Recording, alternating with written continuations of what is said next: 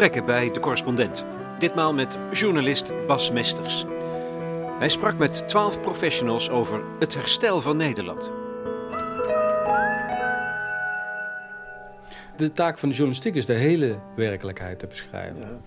En de hele werkelijkheid, dat is niet alleen de, de, problemen. Die moet je beschrijven. Ik bedoel, je moet niet, niet beschrijven. Je moet de conflicten in beeld brengen, want daarna kun je nadenken over wat er, wat er anders is. Maar wij stoppen vaak uh, bij het beschrijven van de conflicten vanuit het oude falsificatie-idee. Van de journalist, dat was het oude idee eigenlijk van de. Wij beschrijven de problemen en de samenleving lost ze op. Zo, is het, zo hebben we het afgesproken. Maar we hebben wel kunnen zien dat dat dus niet werkt. Eh, het, als wij de probleem, eh, sterker nog, ik heb wel eens een, een uitgebreid verslag gemaakt toen ik net journalist was. Ben ik een week in een asielzoekerscentrum gaan zitten in de eind jaren negentig.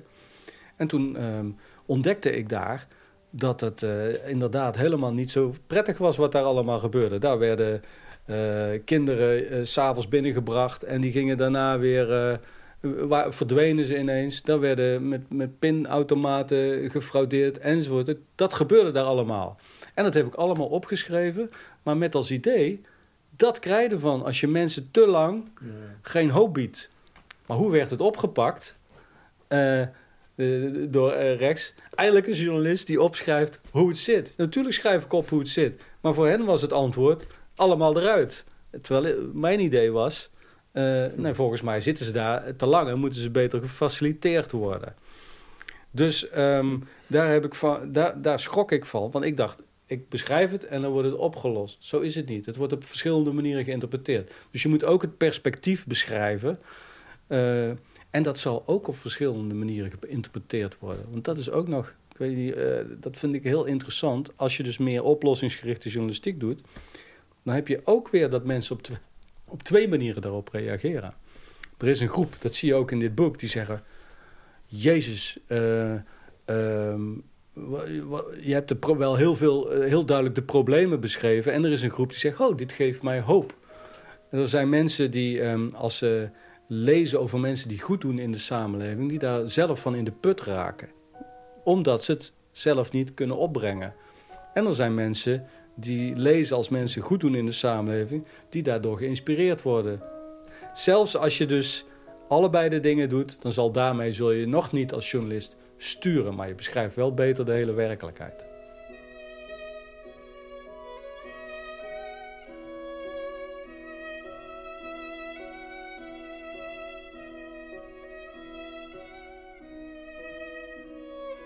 Bas Mesters bedrijft constructieve journalistiek. Sterker nog, hij was er al mee bezig nog voordat de correspondent het levenslicht zag. Je beschrijft niet alleen de problemen, maar denkt ook na over de mogelijke oplossingen. Als journalist dien je perspectief te bieden, een uitweg uit de misère. En dat is niet iedereen met hem eens. Het komt in ieder geval sterk tot uiting in zijn boek Het Herstel van Nederland. Een serie van twaalf interviews, oorspronkelijk verschenen in de Volkskrant, met even zoveel professionals in verschillende werkvelden: de zorg, het onderwijs, het recht, de journalistiek, het klimaat enzovoort. En al zijn gesprekspartners zeggen hetzelfde. Het neoliberale gedachtegoed heeft een enorme bak ellende teweeggebracht in de maatschappij. Met die nadruk op winst, die ook nog eens wordt weggezogen uit de samenleving. Het leidt tot een gigantisch groot verlies. Maar, en dat is het goede nieuws, al die mensen barsten allemaal van de praktische ideeën hoe het anders kan. En dat maakt Het Herstel van Nederland tot een inspirerend boek. Ik sprak met Bas Mesters op zijn schrijfplek ergens in de achterhoek. Op een druilerige dag voor ons een morsig weilandje en een klein beekje met wat scheefstaande knotwilgen. Zeg, hoe gaat het nu met Nederland? Ja, dat is maar net van waaruit je kijkt hè? en waar je bent. Um, aan de ene kant denk, kun je zeggen, het is een land met fantastisch veel ideeën. Maar als je nu uh, de media volgt uh, en, uh, en, de sociale media, dan denk je dat het land in brand staat onderhand. Dat we al onze vrijheid aan het kwijtraken zijn. Dat de ongelijkheid enorm is. Dus dan is het land in crisis. Waar sta jij? Nee, ik ben, ik ben wel heel erg bezorgd. ik heb ook kinderen. En ik denk dat we de, de, het leven wat ik heb mogen leiden, ben, ja, nou, dat was een mooi leven de afgelopen 50 jaar, zeg maar.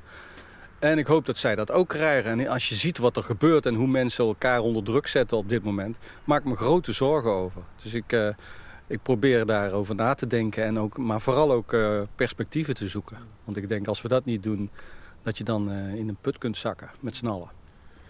wat is de druk die wij op elkaar uitoefenen? Um, ik denk dat we um, elkaar een beetje de put in praten op dit moment. En dat we te, te veel uh, in, in, in, in doelen denken, hebben leren denken. En doelen die we denken dat we die steeds minder kunnen bereiken.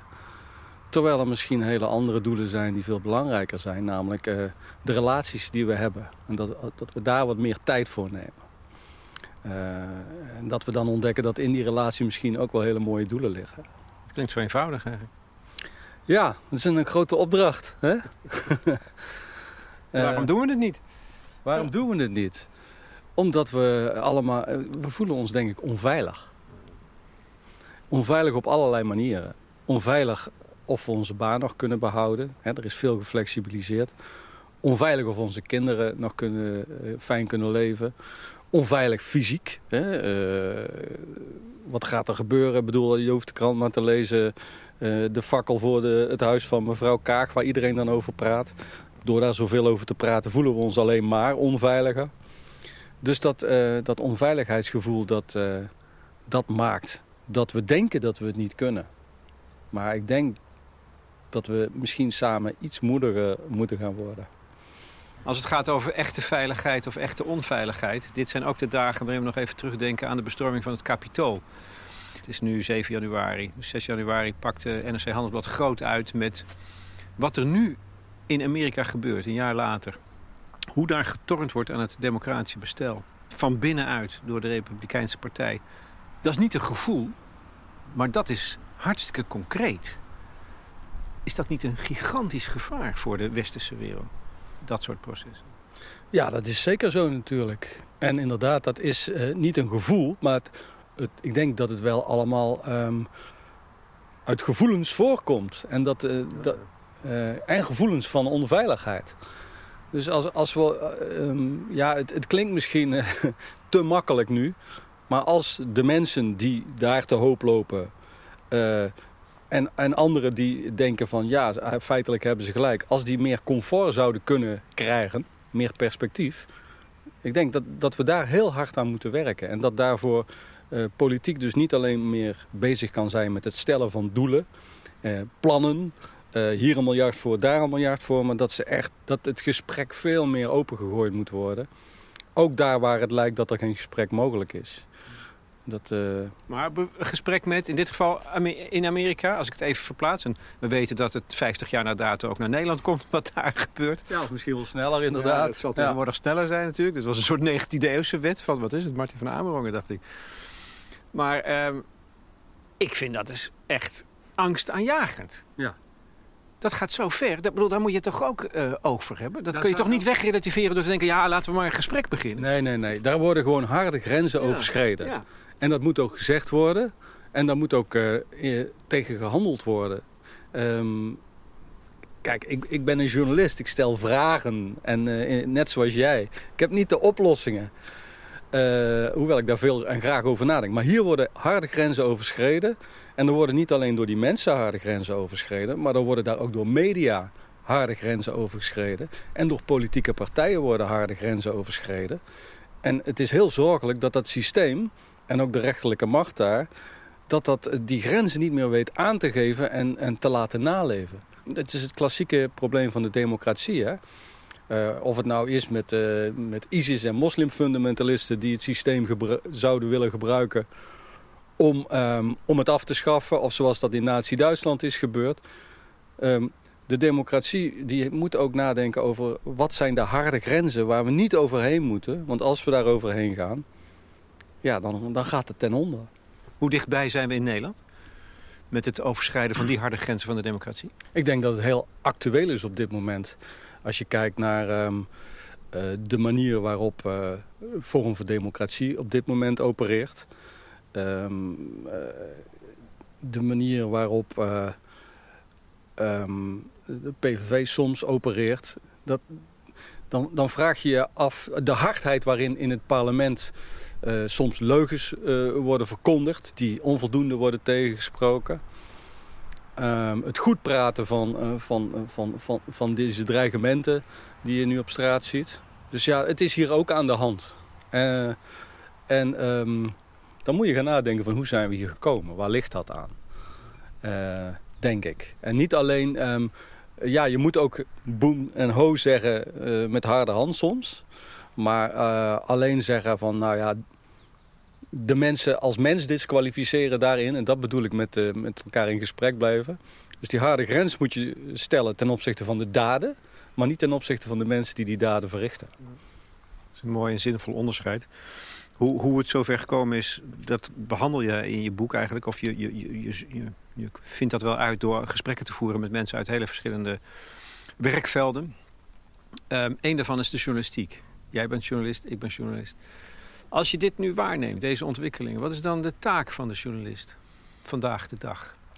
Ik denk dat de, de journalist die moet uh, in eerste instantie zeg maar, uh, proberen de feiten naar boven te brengen. Het conflict en het waarom van het conflict en van de problemen laten zien. Dat is zijn eerste taak. Om dat zo, zo onbevoordeeld mogelijk te doen. Maar um, uh, ik denk dat hij daarna, door alleen maar dat neer te leggen, is tegenwoordig niet meer voldoende. Je ziet dat mensen zich afkeren van de journalistiek als die alleen maar de problemen en het conflict neerlegt. Dat maakt mensen, dan gooien ze de krant weg, dan zetten ze de tv uit, dan ben je het contact kwijt. Dus de journalistiek moet net zo kritisch ook uh, in beeld brengen welke perspectieven er volgens denkers en doeners in de samenleving zijn. En die ook weer kritisch beoordelen. Maar ik denk dat je verplicht bent om naast de vraag waarom... Hè, die eigenlijk ook nog niet zo lang in de journalistiek is... want journalistiek en het analyse, de diepe analyse... dat is misschien iets van de 50 jaar. Daarvoor had je alleen wie, wat, waar. Daarna kwam waarom erbij. Uh, en ik denk dat er nu dus nadrukkelijk ook wat nu bij moet komen. Dus dat die journalistiek zes vragen heeft die ze moet stellen. Dus, hoe, dus constructief zijn, denken aan oplossingen, daarover schrijven. Um, zijn er heilige huisjes in de journalistiek, in jouw ogen? Je hebt het ook aan Volker Jensma gevraagd. Dat is een van de mensen die je gesproken hebt voor je serie. Wat, wat zijn die heilige huisjes in jouw eigen ogen? Ik denk dat het grootste heilige huisje op dit, in de journalistiek misschien wel is... dat ze uh, heel veel problemen heeft met zelfkritiek. Of kritiek die op de journalistiek wordt uitgeoefend. Um, de journalistiek is een métier dat op alles en iedereen kritiek kan hebben... vanuit het idee dat ze uh, zeg maar in de publieke sfeer de problemen in kaart moeten brengen. En ze zien zich daardoor ook gelegitimeerd om dat te doen. Maar uh, de journalist en de journalistiek zijn niet God en de hemel. En daar eh, dezelfde mechanismes waar de samenleving mee te maken heeft... het neoliberalisme, de marketing, het imago, het winners en, en, en verliezers al die systemen zijn ook diep gepenetreerd in de journalistiek zelf. En hebben de journalistiek ook uh, veranderd. En daarover reflecteren en ook over de manier waarop bijvoorbeeld de journalistiek soms gewoon um, mensen als Baudet of Trump of eerder Wilders... Uh, alleen maar omdat ze conflict creëren of omdat ze tot uh, op angst spelen... dat ze die in beeld laten komen omdat dat kijkers oplevert ja, daar moeten we over reflecteren hoe we daarmee omgaan. Ja, hoe dan? Want, want, want, want, want dus ja, ik zeg niet dat ze niet in beeld moeten komen hoor. Maar eh, ik denk wel dat, het, dat er een, ook daar een harde grens is. Een harde grens van... wat houdt hier in die grens dan? Ik denk dat iedereen dat wel voelt. Het moment waarop jij iemand uh, laat spreken met in het achterhoofd... Ha, hier, uh, hier gaat iedereen lekker naar luisteren... Eh, ik laat het en ik, en ik spreek zonder dat je het ook tegenspreekt in je vragen. Als je, journalistiek is in, de, in essentie dit hele métier. Dat, als je daarover nadenkt, de uitgevers, de mensen die het in handen hebben, de journalistiek, hun eerste doel is winst maken. En is niet de waarheid benaderen dat wat de journalisten willen doen. En dus als jij uh, onder druk staat van je uitgever, uh, als, als hoofdredacteur of als uh, journalist die af, afhankelijk is voor zijn bestaan... Ja, je moet dus heel sterk in je schoenen staan om dan niet mee te gaan in, ehm, in die marketing. Die lekker eh, het zoeken van het conflict wat goed verkoopt. Journalistiek moet niet alleen een product zijn. Nee. Ja, ik, weet niet wat jij ervan vindt. Jij bent ook journalist. Nou ja, ik kom het steeds vaker tegen in de, in de gesprekken die ik voer. Dat, dat er gewezen wordt op de, in feite de ontwrichtende rol van de journalistiek. Als het gaat om het klimaat waar wij in leven. En we hebben het net al, je hebt het net de contouren ervan aangegeven. Hoe, hoe onheilspellend daar sommige dingen van zijn. Concreet voorbeeld, de belastingaffaire. De journalist, er zijn journalisten die daar een rol in hebben gespeeld in, in dat échec. De toeslagenaffaire. Ja. Ja, ja, ja. Zei ik dat niet? Ja, ja, nee, je zei de belastingaffaire. De toeslagenaffaire, die bedoel ik. En heel in het begin door Ja. eh, eh, een paar Bulgaren te nemen die met een ING-pasje eh zwaaiden. D- dat is in het boek van Jesse Frederik, die het helemaal heeft nageplozen, is het begin. Ze weigeren dat onder ogen te zien. En, en, en dat is maar één voorbeeld. Ja, dan is de reactie... Het, ja, het was gewoon een verhaal. Eh, en dat is, wordt dan vet erin gepompt. En het is koren op de molen van degene die eh, tegen migranten zijn. En voor je het weet eh, durven de, de meer gematigde partijen er ook niet meer tegen in te gaan. Want je kunt, als iets verkeerd is, dan is het nou eenmaal verkeerd. En dat wordt heel zwart-wit neergezet. En overigens vind ik daar de verantwoordelijkheid is voor de journalistiek heel groot. En die is daar niet kritisch in geweest. Maar in mijn, in mijn boek erkent ook de, de, de rechter. Ja. En ehm, die erkent nadrukkelijk ook dat eh, zij fouten hebben gemaakt. En journalisten die erkennen dat volgens eh, degene die ik interviewde in het boek, Volker Jensma, veel te weinig. Er is veel te weinig reflectie binnen de journalistiek op wat daar mis is gegaan. Nee, ze verdedigen zich met, ja, het is wat, precies wat je zegt. Het is een verhaal. En dat zit hem in de kijkcijfers. Dat zit hem in de, hoeveel mensen eh, klikken en lezen. Ja, ja. De dominantie van, van die vraag. Dat is ook altijd het antwoord van de journalistiek. Ja, maar eh, het publiek leest het. Het publiek wil dit. Dus eh, ja, don't, don't blame the messenger. Betekent dat, dat dat er nogal wat journalisten van, vandaag de dag werkzaam zijn... die eigenlijk gewetenloos te werk gaan? Om het dus lekker scherp te Nee, stellen. ik denk dat er best wel. Ik denk dat er meer journalisten zijn die. ehm, eh, en dat speelt niet alleen in deze sector, dat speelt in bijna alle sectoren op dit moment. Dat heel veel mensen die eh, eh, als, als huisvader of huismoeder of, thuis. eh, je bent een persoon, een individu thuis en je bent een, een professional. En veel mensen vinden als gewoon mens niet meer altijd even prettig wat ze als professional moeten doen. En ik denk dat er ook veel journalisten zijn die dat zo voelen. Maar er zijn ook veel docenten die dat zo voelen. Er zijn veel dokters die dat zo voelen. Er zijn rechters die dat zo voelen. En dat is, dat is het, volgens mij het grote probleem waar we mee kampen. We zijn zo doorgeprofessionaliseerd en vanuit het eh, neoliberalisme gedwongen om in concurrentie, in succes eh, en in eh, en dat soort dingen te denken. Dat we eh, steeds verder van eh, dat wat we misschien zelf als het goede leven zouden ervaren, eh, in ons beroep steeds verder daarvan afdrijven. En daar heeft de journalistiek ook last van, maar die reflecteert daar het minste over. En ik denk ook dat dat, dat precies is waarom ehm, er tegenwoordig zo gesproken wordt over mainstream journalism. Dat moet je niet vertrouwen. Je kunt je niet buiten de samenleving plaatsen. En dat bedoel ik dus ook met, je moet in gesprek gaan. En niet alleen maar, eh, dat betekent eh, niet alleen oordelen, maar ook oordelen durven ontvangen. Zie het als een, eh, een sparringspartij tussen twee boksen. Je teelt een tik uit, maar je moet dan ook luisteren naar de tik die terugkomt en wat, wat daarmee gezegd wordt. Kan jij dat goed? Nee. Hartstikke moeilijk. Ik probeer het. En ik probeer er dus op een andere manier over het vak Ja. na te denken. Wat is dan de, de gemeenste kritiek die jij krijgt? Wat je echt lastigst vindt om te verwerken? Ehm, nou, binnen de, kijk, ik probeer in de, binnen de journalistiek wel dit soort opmerkingen te maken. Eh, en, en dan krijg je hele harde kritiek terug. Zo van, jij bent geen journalist, je bent een activist. Dat vind je hard.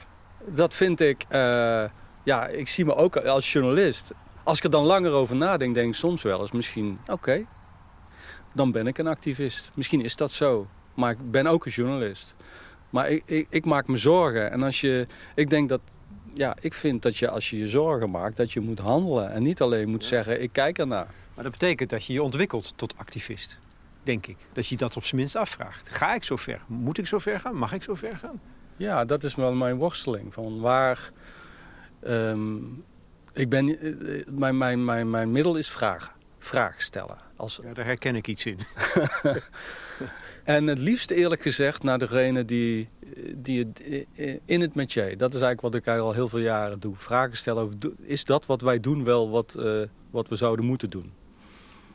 Um, en um, daar, uh, dat is een moeilijke weg. Dat vind ik moeilijk in die zin dat... Je voelt dan ook weerstand? Die weerstand en daarmee omgaan is moeilijk. Want je dan steeds opnieuw moet je dan afstand nemen. Je er buiten plaatsen.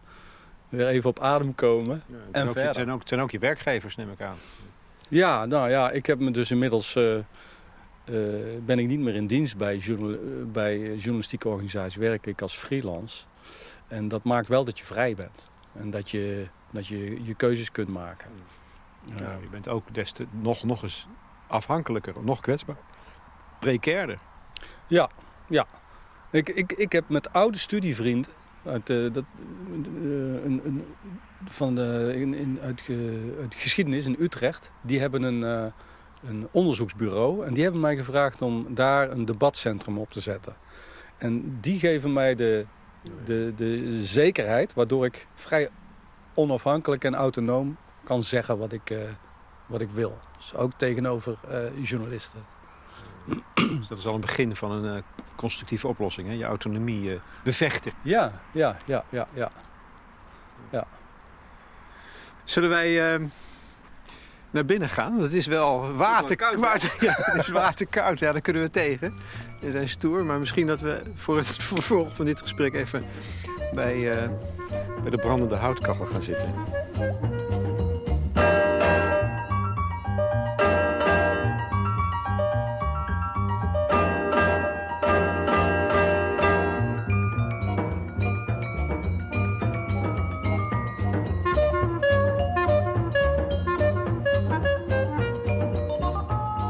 Is nog een extra blokje hout opgegaan. Dit is het goede leven. Je ontdekt gaandeweg in die gesprekken, het zijn er twaalf, een soort lijnen. Als het gaat over uh, het herstel van Nederland, ontdek je eigenlijk wat er mis is. Hoe zou jij de kern daarvan formuleren? Um, nou, de afgelopen dertig jaar heeft het neoliberalisme... Um, misschien moet je het zo zeggen. Zie Nederland als een akker. Nederland is een akker. En ik heb twaalf interviews gemaakt in dat boek. Uh, met allerlei professionals uit allerlei velden. En ik ontdekte toen ik het uh, goed analyseerde dat er een patroon is wat verontrustend is. Met al die professionals. Die twaalf interviews zijn twaalf voren die ik trok. Door drie lagen van die akker. Hm. De bovenste laag van de akker. Dat is eigenlijk zijn alle sectoren waar de mens die nodig zijn voor onze eerste levensbehoeften. Wonen, werken, zorg, ehm, voedsel en dat soort dingen. Als je kijkt naar die sectoren, of je nou praat met een boer of met iemand uit de woonsector of uit de zorg, dan zie je dat ze allemaal door dat neoliberalisme onder druk zijn komen te staan. Ze moeten allemaal meer productie, ze staan allemaal meer in concurrentie. Het gaat steeds meer om winst, het gaat om, uh, om kostenreductie uh, en uh, en ja, dat, dat, dat heeft tot stress geleid. Um, de, de, de, effecten zijn voor ons allemaal zichtbaar. Het is moeilijker om een, een, woning te vinden. In de zorg moeten mensen... er is net 1 januari is het zorgprestatiemodel in de geestelijke gezondheidszorg ingevoerd. Nou, dat zegt al genoeg. Wat heeft dat nog met aandacht en zorg te maken? Het is puur calculatie waar het om gaat. En um, nou ja, zo heb je dat in de landbouw. Uh, en ook in het onderwijs natuurlijk, waar docenten uh, ook uh, gewoon output moeten leveren. waar waar um, de, de, de scholen betaald worden op het aantal leerlingen wat ze afleveren. Kortom, er is in die eerste laag door, de, door die druk stress ontstaan. En wat in, daar heb je een tweede laag onder. Dat is eigenlijk de democratische rechtsstaat en wat de instituties daarvan. Daar zit de rechter, daar zit de journalist, daar zit de parlementariër, de bestuurder. En die ervaren hetzelfde. Die zijn ook onder druk gezet door dat neoliberalisme. Ook de rechter moet productie draaien. Een conflict tussen een consument en, een, uh, en een, uh, iemand die hem iets verschaft over de betaling. Daar heeft de rechter ongeveer 33 euro voor om dat te beslissen. Oftewel twee minuten en nog 15 minuten van zijn assistent. Dus zo wordt er in dat bekostigingssysteem gedacht. De journalist die wordt tegenwoordig per woord betaald en die verdient... die woordprijs is nauwelijks gestegen in vergelijking met 15 jaar eerder. Um, in de journalistiek zijn uh, uh, grote monopolies ontstaan. Uh, um, dus die journalist die staat ook steeds meer onder druk om te leveren. Bovendien beeldvorming speelt een steeds grotere rol. Daar hebben we het al over gehad. De journalist zelf is een merk geworden. Al die elementen van neoliberalisme en marktdenken zitten daar ook. En als je naar het parlement kijkt, dan zie je het eigenlijk elke dag. Hoezeer daar concurrentie, beeldvorming uh, en winst en verlies uh, de hoofdrol spelen. Dus ook in die tweede laag heeft neoliberalisme tot verontrustende veranderingen geleid... die tot stress leiden, ook in die sectoren. En die middellaag, dat is onze conflictbeheersingssysteem. Dus als dat niet goed functioneert, dan uh, ja, dat, dat, is dat problematisch. En als je dan naar de derde laag gaat, dat is eigenlijk de laag van de waarde. De waarde waarop onze uh, democratische rechtsstaat gefundeerd is. Vrijheid en gelijkheid en ook broederschap. En als je kijkt naar bijvoorbeeld vrijheid, dan zie je dat in de 30 jaar, uh, 40 jaar van het neoliberalisme, er wordt meer en meer geroepen om, over onze vrijheid wordt ons afgepakt. Maar het concept vrijheid en hoe wij dat zien is enorm veranderd. Vrijheid was aanvankelijk, vanuit de Franse revolutie en, en zelfs nog eerder... dat was de vrijheid voor een volk om mee te regeren. Samen. Om de machtigen te controleren. Nu wordt vrijheid gezien als de vrijheid van mij als individu... om bevrijd van de staat en van iedereen te doen wat ik wil, wanneer ik maar wil. Feest te vieren wanneer ik wil. En alles wat mij daarin beperkt, dat is een uh, ondermijning van mijn vrijheid. En vrijheid van meningsuiting, dat was vroeger bedoeld in de tijd van Voltaire... om, uh, om iemand kritiek te laten kunnen uiten op de machtigen... zonder dat hij de guillotine, onder de guillotine kwam. Nu wordt vrijheid van meningsuiting gebruikt om juist de zwakkeren het land uit te trappen, zeg maar. Dus het is, is stukken laffer. Um, kortom, mijn, mijn stelling in dat boek... en dat is eigenlijk iets wat ik on, on, ontdekte... door nog eens goed na te denken over al die interviews... die ik ten tijde van de verkiezing en de formatieperiode heb gedaan... wat daar de grote boodschap is... is dat het verontrustende beeld is dat het onze akker van onze samenleving op drie lagen diep heeft omgewoeld en, en verstoord. Je zou bijna kunnen zeggen, maar dan raak ik wel heel ver dat uh, het als een soort van verdelgingsmiddel, een bestrijdingsmiddel, dat neoliberalisme uh, de micromechanismen uh, in, de, in de akker bijna dood heeft gespoten. En daarmee bedoel ik dat er is niet alleen meer al die, er is niet meer winstbejagd, er is niet meer marketing, maar er is ook meer hiërarchie ontstaan, waardoor het moeilijker is om kritiek te leveren. Um, het herstellend vermogen van de samenleving is een beetje uh, een beetje veel onder druk komen te staan. En die stress die daaruit voorkomt, die zien we nu dagelijks op tv. Ja. De mensen die te hoop lopen. Um, maar ook professionals die allemaal uh, klagen over hoe het, uh, of het in het onderwijs, in de zorg of op de landbouw, overal zitten die problemen. En als je daar alleen maar miljarden overheen gooit als overheid en denkt dat, het, dat je het oplost, volgens mij vergis je je dan deerlijk. Nou, dat is een knappe, glasheldere analyse van de state of the art van Nederland. Um, een element wat me ook trof, iemand zegt dat, ik weet niet meer wie het is, maar dat, dat, dat er een heel donker wereldbeeld, of mensbeeld eigenlijk, aan het neoliberalisme te grondslag ligt. He, dat, dat, wij hebben het ons zo eigen gemaakt vanuit de economie, maar ondertussen heeft het ook onze kijk op de mens als het ware veranderd. Ja, um, en dat zit hem erin dat um, we in de, in de, in de markt ja. zijn we elkaars concurrenten. Ja. En die concurrenten die kunnen elkaar nooit helemaal vertrouwen. Um, dus er is echt een gevoel ontstaan, en dat is gewoon heel ver doorgevoerd. Er is een gevoel ontstaan dat we elkaar niet meer kunnen vertrouwen. Er is heel veel wantrouwen geslopen. Uh, iedereen is met, als, je, als iedereen met, steeds meer met marketing of sociale media of waar dan ook bezig is met uh, er zo goed mogelijk uitzien. Uh, dan weten we, als we dat zelf ook doen, weten we ook heus wel dat wat die ander zegt of doet, dat dat misschien wel niet helemaal uh, de waarheid is. En dat is een sluipend proces. Ja. Hè? Politieke inrichting, oké. Okay.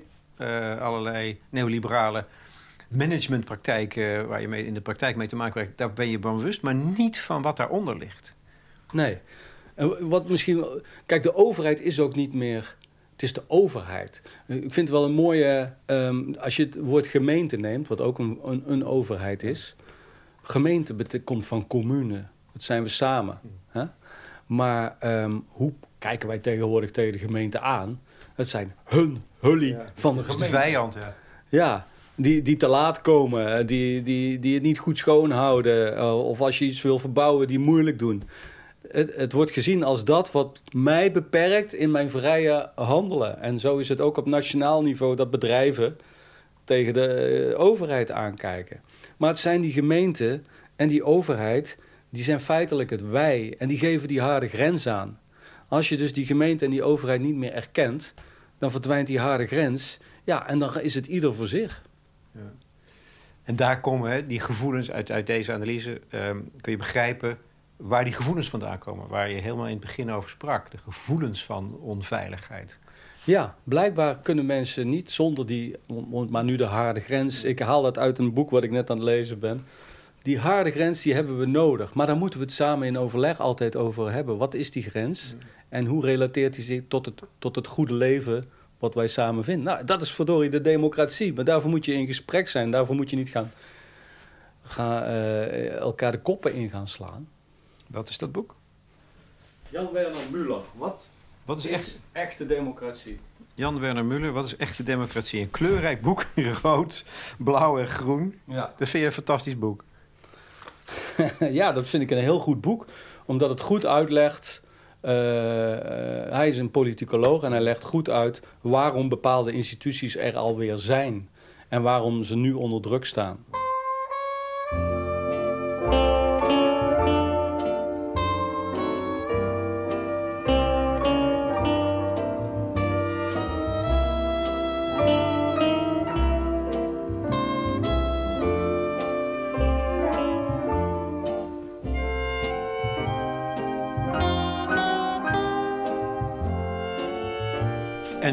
Greep nog steeds van het neoliberalisme.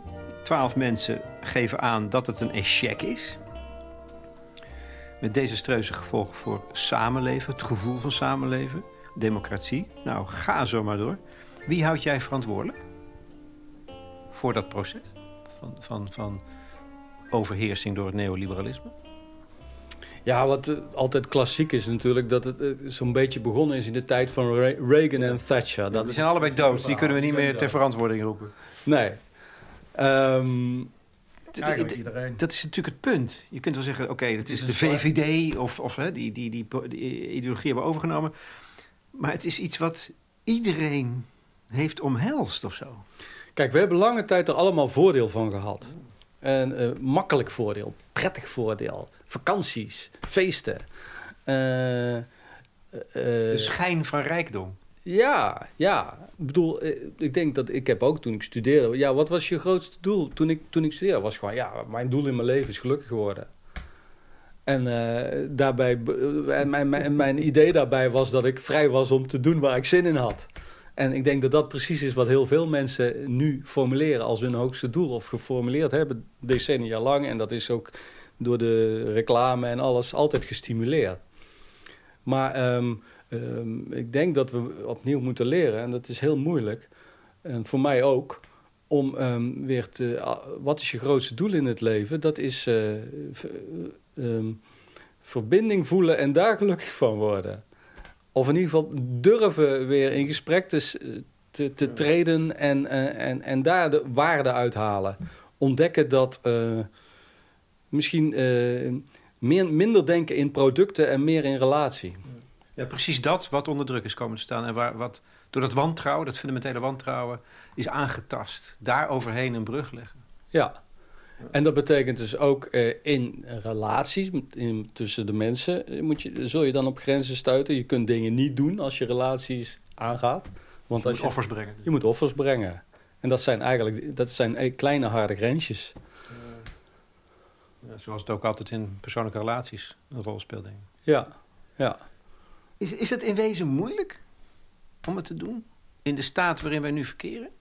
Of is het eigenlijk een heel eenvoudig gebaar? Je hebt met twaalf mensen gesproken die, die... En het wordt langzamerhand tijd, Bas, om daar naar te kijken. Hè? Wat kunnen we doen? Hoe kun je construeren? Hoe kun je eruit komen? Um, nou ja, wat, wat ik interessant vind is dat in al die sectoren zijn coöperaties aan het ontstaan. Om maar als een voorbeeld te noemen. Als je nou kijkt naar het wonen. Daar um, zijn steeds meer mensen die, uh, die, ja, die, die, die zoiets hebben van... ik, ik wil gewoon uh, zelf met een groep gaan wonen... en ik wil het uh, samen met die groep bouwen... en ik wil in relatie met hen volgens iets nieuws creëren. Dat zie je ook op voedsel. Hè. Je hebt herenboeren. Dat is een, een club die samen mm, probeert te akkerbouwen en dat onderling te delen. Dat zie je in de gezondheidszorg. Ehm, je ziet het in de verzekeren. mensen proberen samen zeg maar, nieuwe modellen te ontwikkelen. En eh, ik denk dat, daar, dat we daarvan kunnen leren. Ik denk dat het ook, als je erin verdiept... Ik ben zelf ook in een startende wooncorporatie... maar meer deels als journalist. Omdat ik benieuwd ben naar die... Okay. en, en, en ik twijfel of ik erin wil, want ik zie ook dat het moeilijk is. Het is heel moeilijk om samen een proces te starten van... hoe gaan wij wonen?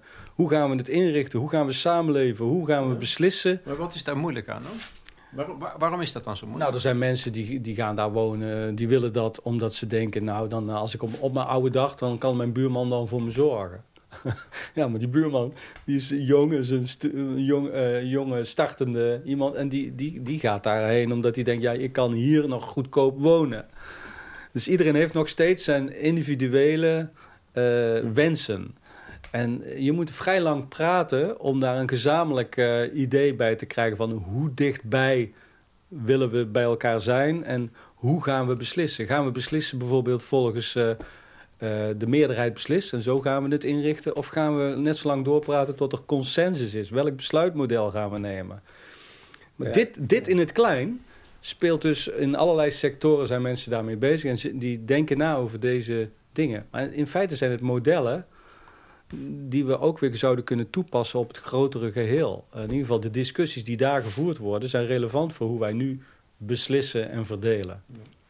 Ja, ik, ik, er zitten echt inspirerende mensen bij, hè, denk ik. Jij moet ook af en toe... Uh, je zal ook last hebben van af en toe buitengewoon sombere... of, of, of nou ja, angstige gevoelens.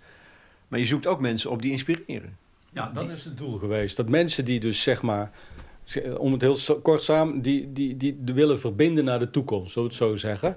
En die goed zijn in hun vak. En die moed hebben om te zeggen, nou, dit lukt niet, dit, dit lukt niet. Dus neem de woningbouwman, uh, Bernard Smits, uh, directeur van de kleinste woningcorporatie van Nederland. Die zegt, wij in Nederland hebben, wij, wij hebben veel meer woonruimte dan in Duitsland. Gemiddeld hebben wij 65 vierkante meter. In Duitsland hebben ze 45 vierkante meter. Hoezo moeten wij een miljoen huizen bouwen? We moeten gewoon anders gaan wonen.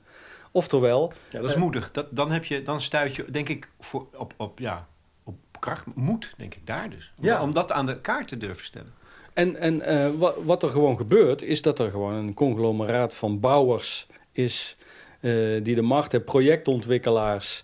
Uh, en ook gemeenten die het maximale uit de grondprijs willen halen, die zijn samen lange tijd het eens geweest over hoe er gebouwd moet worden, om allemaal zoveel mogelijk eraan te verdienen. Maar dat is financieel dat eraan verdiend wordt.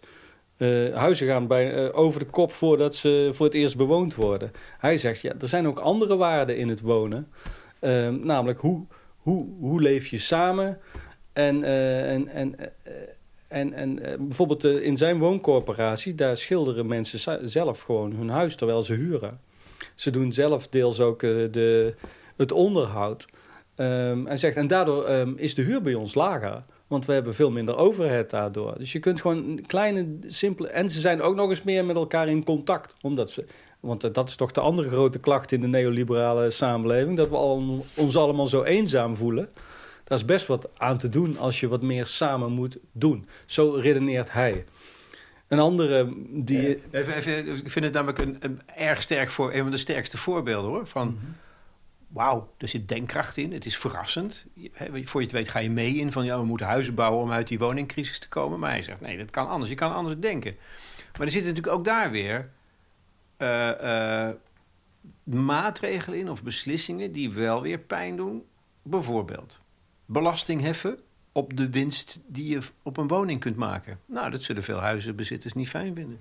Ja, dat was eh, de econoom die ik geïnterviewd had. Maar het sluit daar wel heel erg op aan. Die zei over wonen. Ja, ehm, woningen zijn financiële objecten geworden. Het is de, daar kun je het meeste geld aan verdienen. Nog meer dan op de beurs, bij wijze van spreken. Hij zegt. En het wordt, wordt steeds ongelijker daardoor. Wie het niet heeft, die heeft het voordeel niet. Laten we gewoon afspreken dat we, als je een huis verkoopt en je hebt 50% winst, bijvoorbeeld een ton winst op je huis, dan, dan heffen we 50% belasting op je winst. En die gebruiken we dan als samenleving weer om andere dingen te doen. Ehm, ja, daar heb je, dat, dat, dat, dat vind ik ook, want dan haal je de speculanten eruit. Hè? Die, voor hen is het niet meer interessant om het tweede, derde, vierde huis of, of om, Prins Bernhard uit te hangen. Dat wordt minder interessant dan. Eh, Maar inderdaad, eh, er zijn freelancers. Ik ben er zelf een. En jij misschien ook. Eh, heel veel mensen die hebben gewoon in hun huis hun pensioen zitten. Dus daar moet je wel eh, langer over praten dan een halve dag. Maar met die combinatie van dit soort maatregelen en anders denken over wonen, zeggen die mannen, in dit geval mannen, joh, eh, we kunnen op die manier uit de woningcrisis komen. Zonder een miljoen huizen te bouwen. Ja, je kunt gewoon door de speculanten eruit te halen, door bepaalde groepen makkelijk eh, meer bij elkaar te laten wonen in gebouwen die er al zijn, eh, ku- hoef, je, hoef je helemaal niet zoveel huizen te bouwen. Eh, die, die Bernard Smits die zegt zelf, je kunt het heel, als je nou echt radicaal wil zijn, dan moet je want nu wordt er gezegd we moeten heel veel eensgezinswoningen, eengezinswoningen gaan bouwen. Hij zegt nee, er moet een verbod komen op bouw van eengezinswoningen. Er moeten de komende vijf jaar alleen maar collectieve woningen worden gebouwd, zodat de ouderen eh, makkelijker kunnen doorstromen, zodat de jongeren op een mooie manier eh, kunnen starten en daarna misschien, en zodat die gezins, eengezinswoningen die er zijn, eh, wat sneller leeg worden. En daarnaast heb, faciliteer je door meer collectief te wonen. Nou, het gaat niet om meer dan 10% van alle mensen hoor, maar tot 10% misschien. On, leren mensen door dat samenwonen weer meer met elkaar in relatie te staan en niet alleen te denken aan, aan hun eigen ultieme genot. Nou, dat is zijn idealisme. Oké, jij wordt geconfronteerd als kritische journalist met dit soort vormen van idealisme. Hoe vaak heb jij in jezelf de vraag ja maar moeten onderdrukken? Ja, die, die moet, je, moet ik heel vaak eh, onderdrukken. En dat doe je dan ook. Want Ik, ik, ik laat me. eer- eh, kijk, in de verhalen zijn bijna altijd aan het begin een analyse van de problemen. En eh, dan ben je al behoorlijk groggy eh, eh, na halverwege zo'n verhaal. En dan komt de vraag: oké, wat nu? En, en ehm, ehm, al die oplossingen. Die wijzen eigenlijk naar in eenzelfde richting. Dat, er iets, dat we meer moeten werken aan onze gezamenlijkheid. Maar ze hebben allemaal natuurlijk ook hun problemen. Maar ze bieden op zijn minst perspectief. En ehm, eh, ja, ik, ik, ik, ik bedoel van, van even te Ja. zoeken naar van... ik heb hier een voorbeeld ook. De, bijvoorbeeld, eh er staat de onderwijsman in. Die zegt, we moeten alle schoolbesturen afschaffen. Dat vond ik ook zo goeie. Ja. Hoe, hoe kom je erop? Ja, want hij zegt, daar gaat zoveel geld om in die toplaag. En ze zijn, worden democratisch niet meer gecontroleerd. Bijvoorbeeld, eh, OMO is eh, ons middelbaar onderwijs in Tilburg. Dat, heeft dezelfde, dat zijn een heleboel scholen. Die hebben samen dezelfde begroting als de stad Tilburg, zo'n 500 miljoen. En, eh, en die, die, die, die, die gaan over, eh, over dat onderwijs. Die hebben de macht in het onderwijs. Waardoor veranderingen. En die denken heel erg in kostenbeperking, output, output management. eh, ze zijn zo groot geworden, geworden vanwege allemaal eisen binnen het neoliberale concept. ja, het onderwijs. Op een gegeven moment heeft, eh, ik geloof dat minister Ris eh, destijds van Onderwijs gezegd. Ik wil zeker weten hoeveel mijn onderwijs mij kost. Dus die heeft gewoon gezegd: dit is het budget en daar moet je het mee doen.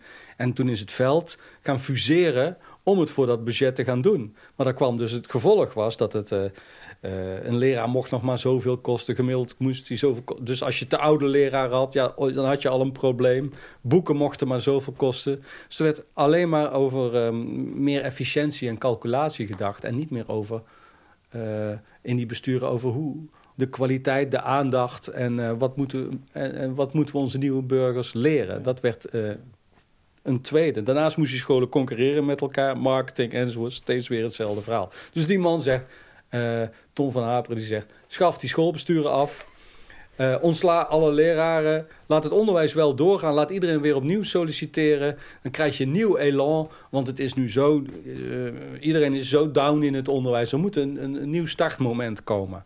Ja, dan heb ik ook wel eens een ja, maar... dat heb ik ook letterlijk gesteld van... ja, maar dat kan toch niet? Dan ligt het hele onderwijs ja. op zijn gat. Maar ja, je moet kiezen tussen sep sepsis of vrolijkheid op zo'n moment. Want het is ook geweldig dat iemand dat durft te denken. Ja, ja. En ik denk ook dat, ook al zijn sommige ideeën heel radicaal... ik denk wel dat ze ons helpen om, uh, om weer creatief te zijn, zelf ook. En, om te, en dat is eigenlijk ook de bedoeling van het boek... dat het je legitimeert om ook anders te denken. Want heel, heel vaak als we in onze organisatie zitten, dan is de reactie van of de collega's zelfs al, en dan zeker van onze meerdere, ja, maar dat kan niet. En dit boek probeert toch aan, te geven en te laten zien dat er heel veel mensen in alle sectoren zijn die uh, wel durven doordenken en het ook op kleine schaal proberen uit te voeren. En ik denk dat dat nodig is om ons te legitimeren, om te zoeken naar een ander model en om te, ons te legitimeren om op kleine schaal nee te zeggen. Uh, in plaats van op grote schaal met een knuppel of een fakkel. Ja. Het, is feit, het is een feit dat er nu de afgelopen tien jaar zijn er echt enorm veel coöperaties, waar we het net over hadden, coöperaties ontstaan. Veel meer dan daarvoor. Uh, en dat is natuurlijk niet voor niks. Dat is omdat mensen voelen dat het anders moet. Uh, ik denk dat we, dat wordt al duidelijk door iedereen gezegd, we zitten in een transitietijd. Ja. Maar ik denk dat, dus, dat we echt moeten leren van die coöperaties die aan het proberen zijn. Of van um, werken, daar hebben we het nog niet over gehad. Ik vind ook uh, burgerberaden in de politiek. Dat is niet het, uh, de graal. Hè? Dus dat je ook mensen via loting in een raad zet en laat meebeslissen en meedenken over wat er anders zou kunnen. Als je dat naast het gewone stelsel zet, dat is, als je innovatie en verandering wil, dan moet je gewoon nieuwe kernen creëren waar nagedacht wordt en waar je van kunt leren. En in dit boek worden heel veel van dat soort kleine kernen beschreven eigenlijk.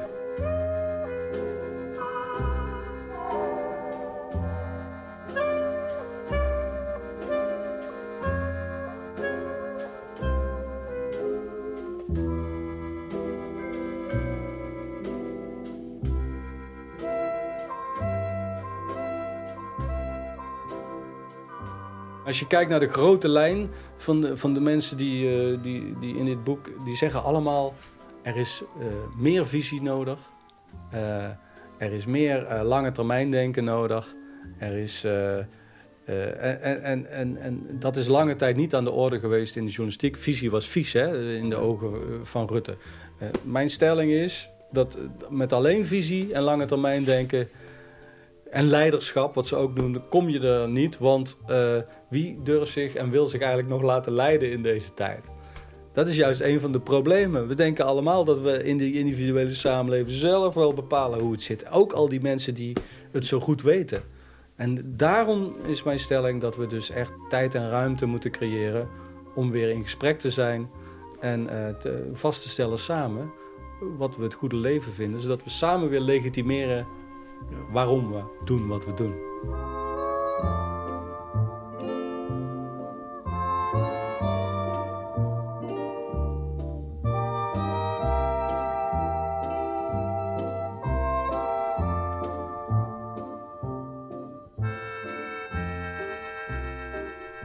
Je zegt het, eh, Bas Mesters, een paar keer heb je het over het goede leven.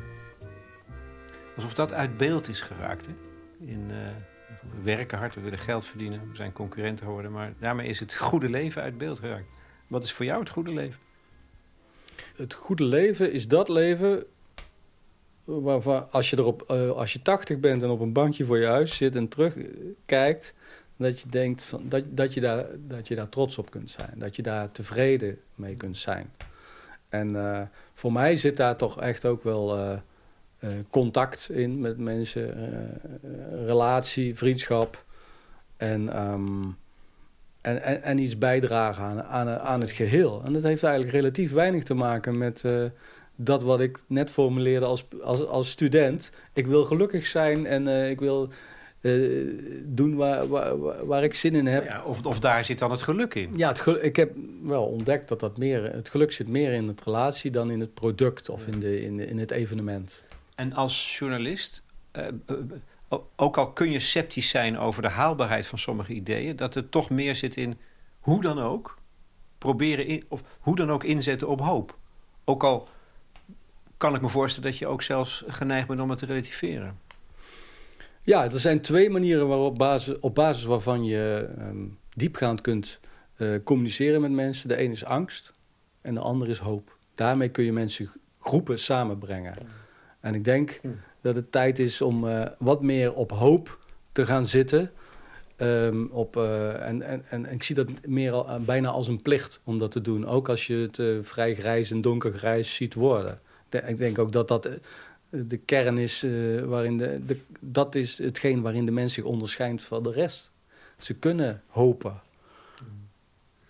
Je hebt tien jaar in Italië gezeten als correspondent. Bent toch teruggekomen naar Nederland. Hè, dit, dit zalige kleine landje. Heb je daar wel eens spijt van? Kijk je wel eens met, met plezier terug op, uh, op tien jaar Italië? Denk van, oh, dat, mm, ja, heel vaak. daar was het goede leven. Ja en nee. Ja en nee. Um, ik, ik, ik, zie heel. Ik heb um, tien jaar geleden. Uh, ik heb een tijd de, geleden ook een boek geschreven over Italië. Wat ik eigenlijk zag als een voorbeeld en een schrikbeeld voor Nederland. Een voorbeeld in de zin van dat er het goede leven in, in zekere zin uh, nog beter ervaren wordt. Het, het, relatie aangaan, het samengaan. Uh, maar het schrikbeeld is, is dat daar ook een soort van. Uh, uh, dat die harde grenzen daar ook niet op de goede manier functioneren. Hè? De publieke sfeer is daar ook niet helemaal goed ontwikkeld. Het is daar, daar zit ook een heel groot egoïsme voor de eigen clan in. Het tribalisme, zeg maar, is daar nog verder ontwikkeld. En ik maakte me daar. Ik, ik, ik denk dat, dat dat wat daar al langer is, of misschien nooit eerder doorontwikkeld is, dat dat hier ook weer aan het ontstaan is. Maar ja, ik verlang uh, het, het samen aan een tafel zitten en eten. Dat, wat, dat, dat maakte dat alle problemen die, van, van de vrienden die we daar hadden, die, die verdwenen. Het, het, voelde soms ook als oppervlakkig aan. Je praatte over het eten en waar het vandaan kwam en hoe lekker het was. En dat was de grote um, uh, vredestichter, het eten. Uh, maar um, ja. En, en dat is niet onbelangrijk. En dat is ook een deel van de boodschap eigenlijk die, die ik hier nu ook uitspreek. Maar niks is natuurlijk zaligmakend. Uiteindelijk is het de worsteling het leven. Het leven. Hmm. En uh, wat ik daar... Ja, Italië... Uh, we, we, we, krijgen ook wat veel van de negatieve dingen vandaar nu hier. Hè? Als je kijkt naar de ondermijning... Corruptie. Corruptie, dat soort dingen. Die, ja, het zijn dezelfde mechanismen. In Italië zijn ze er wel realistischer en eerlijker in. Dat is misschien nog wel. En dat komt ook in het boek naar voren dat lange tijd Nederland een verkeerd zelfbeeld heeft gehad. Dat we echt uh, een gidsland waren, terwijl we in feite ook uh, de internationale, hè, de, de, de Zuidas hadden, waar, waar de, de, de rijken der aarde werden gefaciliteerd. Uh, dat we in feite een van de smerigste landen zijn van Europa, terwijl we dachten dat we zo uh, milieuvriendelijk waren. Er zijn, echt veel dingen in Nederland. Dat, dat we denken dat we tolerant zijn, want dat we dat misschien veel minder zijn dan we denken. Veel, veel mensen die ik interviewde, die, die, die, die hebben die sluier van, van, van zelfwaardering, lichten ze op. En vervolgens geven ze dan wel richt, uh, richtingen van perspectieven van hoe je het misschien anders zou kunnen doen. Maar we zijn niet dat ideale land wat we dachten dat we waren. Want dat hebben we inmiddels ook wel langzaam ontdekt, denk ik. Wij zijn vragenstellers. Jij net zo goed als ik. En nu uh, vraag ik je om je uit te spreken. Over, over hoe jij het ziet in Nederland en, en wat belangrijk is. Hoe, hoe ervaar je dat? Ja, dat ervaar ik als. Uh, dat is niet uh, mijn eigen habitat. Ik ervaar het bijna als koordansen. Het voelt als iets heel spannends om zo'n gesprek te voeren. Um, maar ik, ik, vind dat ik die verantwoordelijkheid op dit moment heb, omdat ik. we hadden het erover dat je in je professie, veel mensen in hun vak moeten dingen doen die ze als individu thuis misschien, waarvan ze zeggen, nou dat gaat niet helemaal goed, zoals dat daar gebeurt. En hier in, in dit gesprek heb ik echt geprobeerd om als mens te praten vanuit het hart van hoe ik denk dat het zou uh, moeten zijn. Wetende dat ik daar ook zelf helemaal niet naar op kan leven. Maar dat probeer ik. En ja, het voelt wel als kwetsbaar om dit gesprek zo gevoerd te hebben. Maar ja, ik zie dat toch als de opdracht. Ik dank je wel. Jij bedankt.